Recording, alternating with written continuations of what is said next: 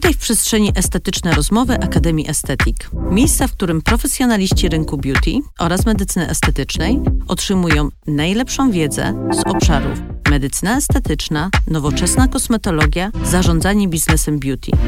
Rozgość się wygodnie i posłuchaj naszych ekspertów. Po więcej informacji sięgaj codziennie w naszym świecie online www.akademiaestetyk.pl i sociale o tej samej nazwie. Do usłyszenia w wirtualnej przestrzeni. Magdalena Wójcik. Dzień dobry, witam Państwa bardzo serdecznie. Estetyczne rozmowy. Moim, do, e, moim gościem jest dr Joanna Bielska-Gawron. Witam Cię, Joasiu.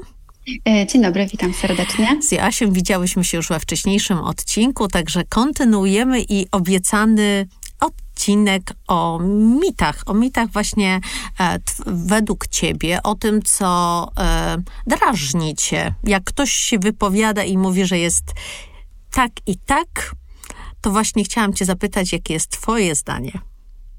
Znaczy wiesz co, jeśli chodzi o mity, to jest ich kilka e, i począwszy od tego właśnie, o takiej sezonowości niektórych zabiegów, czy to zabiegów z mikronakłuwaniem, czy zabiegów laserowych, takiej sezonowości nie ma. E, to też nie jest tak powiedziane, że my tylko lasery mm, możemy wykonywać w okresie jesienno-zimowym, kiedy to słońce jest niżej e, i tak nie operuje. Natomiast Możemy również je stosować i wiosną. Jeżeli mamy pacjentkę, która w okresie letnim nigdzie nie wyjeżdża, dalej pracuje wiesz, w pomieszczeniu takim zamkniętym, klimatyzowanym i jedyna kontakt ze, wiesz, ze słońcem to jest, wiesz, przemieszczenie się z budynku do auta i z auta do domu e, i stosuje fotoprotekcję, e, to jak najbardziej takie zabiegi również możemy wykonywać. Oczywiście poinformowanie pacjenta o tym, jak ma się zachowywać po zabiegu, co może, czego nie może, jest tutaj kluczowe. Mhm. Mm. Kolejnym takim mitem, którego może nie to, że nie lubię, tylko troszeczkę mnie tak bawi, mm, to jest taka, może też właśnie nawiążemy do tej sezonowości, to, że botoksu nie robimy latem, bo ciepło go rozłoży i przestanie działać. No jest to troszeczkę takie, wiesz, no taka głupota.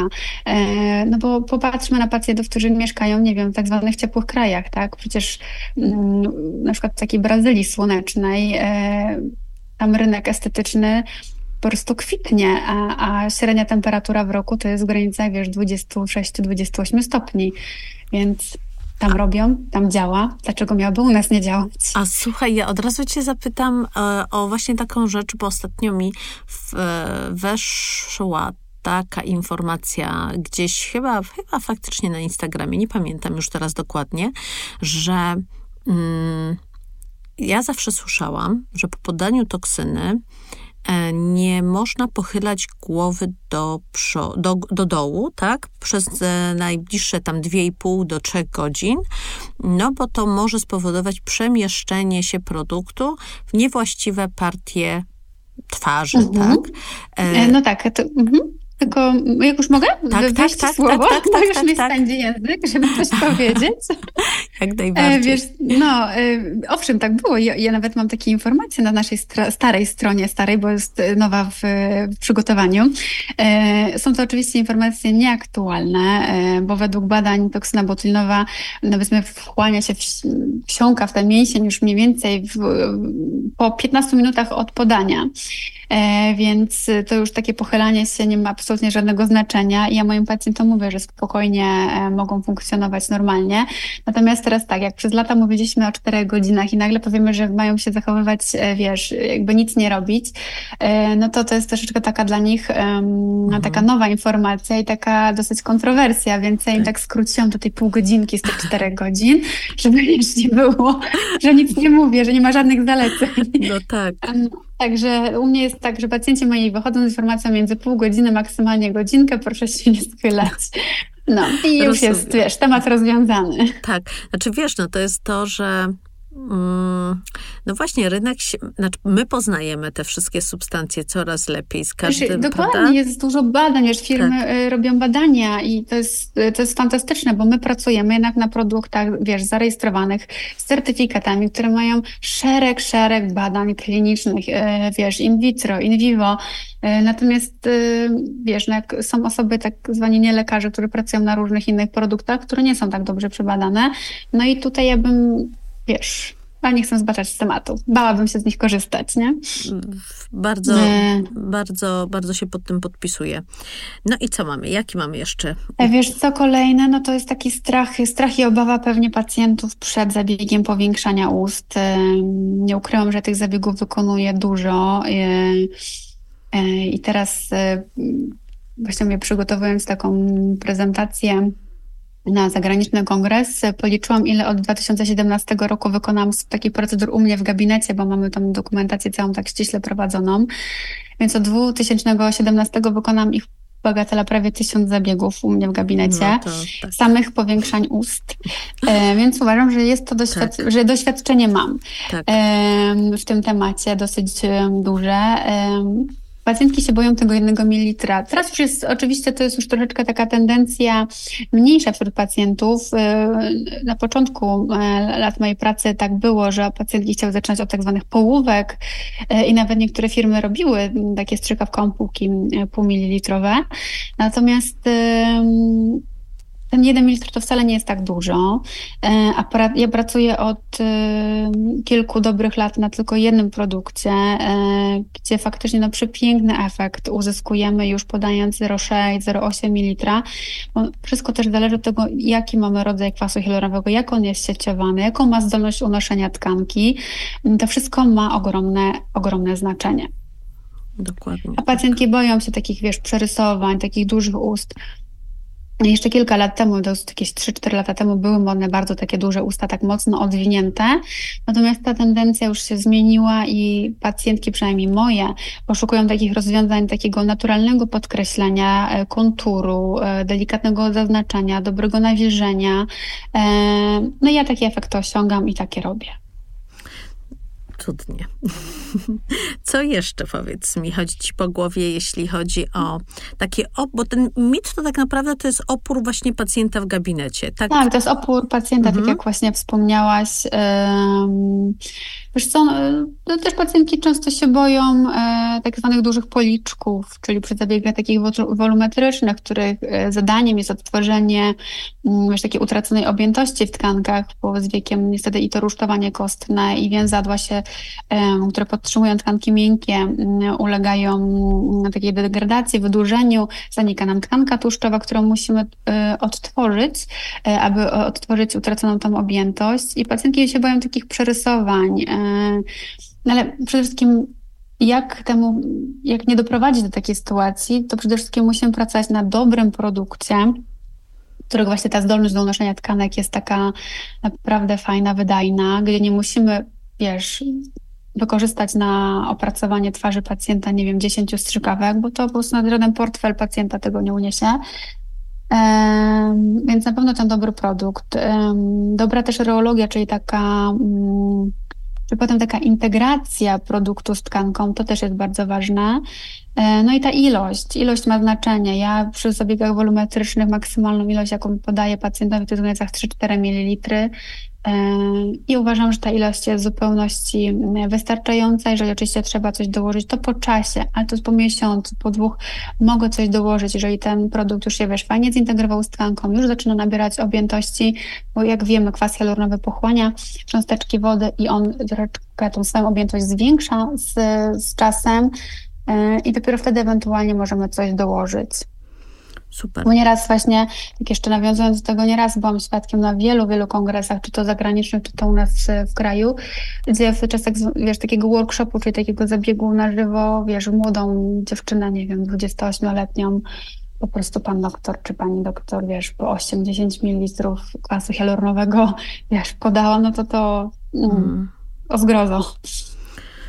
No właśnie tak myślę, że, że, że to jest e, kwestia, ja zawsze powtarzam, to jest tak jak kurczę z, no z każdą rzeczą tak naprawdę.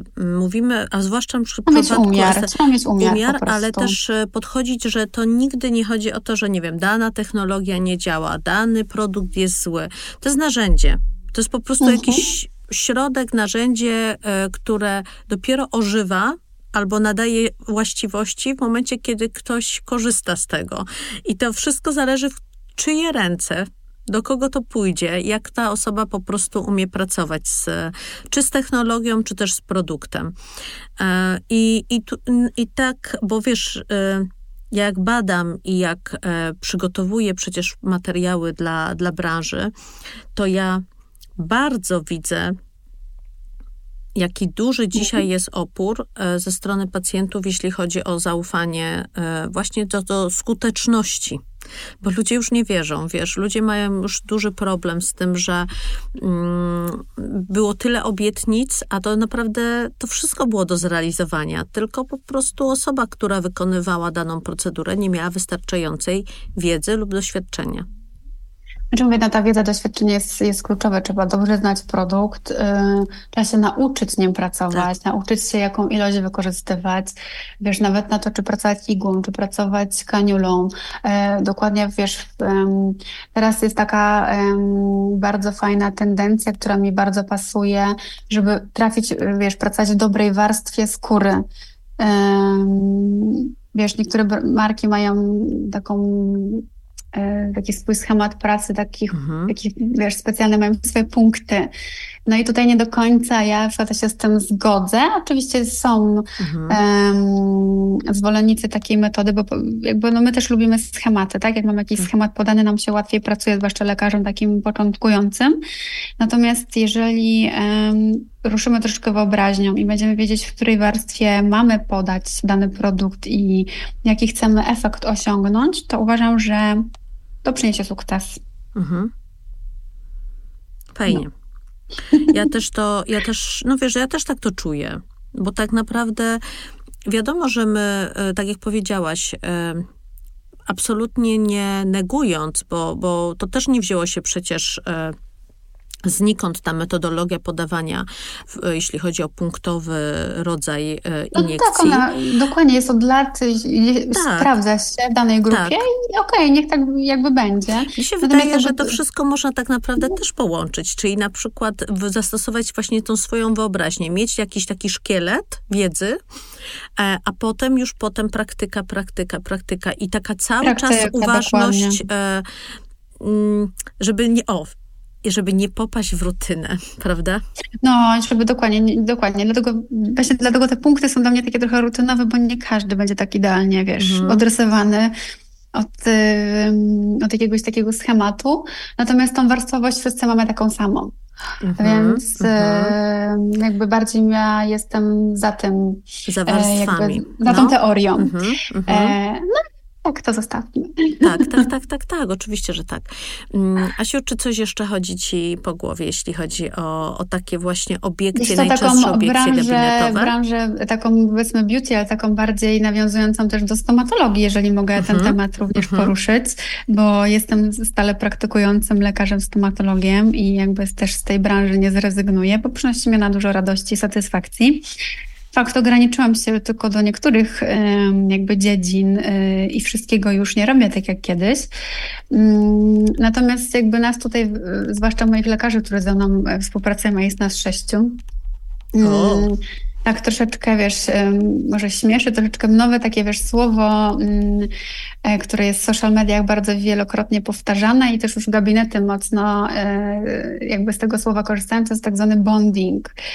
I mhm. wiesz, no to mnie to na nas to bardzo śmieszy, bo takie, wiesz, rekonstrukcja zębów, e, taka poprawa estetyki z użyciem kompozytu, no. czyli tych materiałów światłoutwardzalnych, no to, Boże, znane od 26 lat, mhm. robimy to, no jakby, wiesz, rutynowo w gabinecie. Mhm. Natomiast to ma teraz takie ładne nowe słowo bonding, które w ogóle nie nawiązuje do tej czynności, bo wiesz, bond to jest substancja, która e, wiąże nam tkankę zęba z kompozytem e, i to jest jakby ten, zapytała panią profesor z, wiesz, z Akademii, czy z Uniwersytetu Medycznego o bonding, to by ci powiedziała, że jest to nanoszenie substancji wiążącej na ząb, aby przykleić do niej kompozyt. Mhm. E, I była się za głowę słysząc słowo bonding jako taką, wiesz, estetyczną pracę z wykorzystaniem kompozytu. Mhm.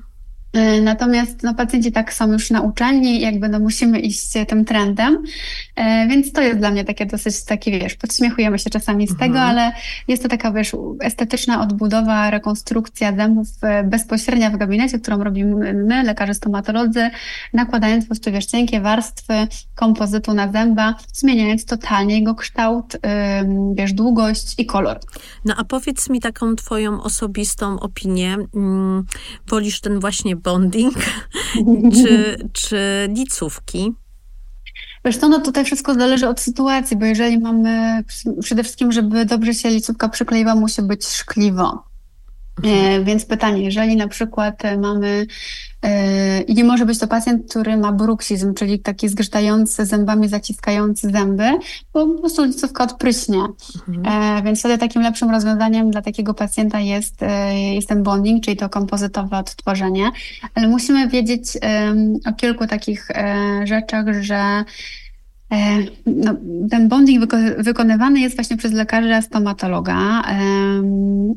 Jest to kompozyt światłotwardzalny, czyli tak, to, to samo, z czego robimy tak zwane plomby. plomby. Mhm. Dokładnie. No i on ulega i ścieraniu, i może zmatowieć, więc tutaj trzeba będzie regularnie, tak jak wymagamy, i my to mamy też w naszych takich jakby mm, kartach gwarancyjnych, które pacjent na pierwszej wizycie zawsze podpisuje, wymagamy regularnych kontroli półrocznych u nas w gabinecie, żeby pacjent miał jakąkolwiek gwarancję na nasze usługi.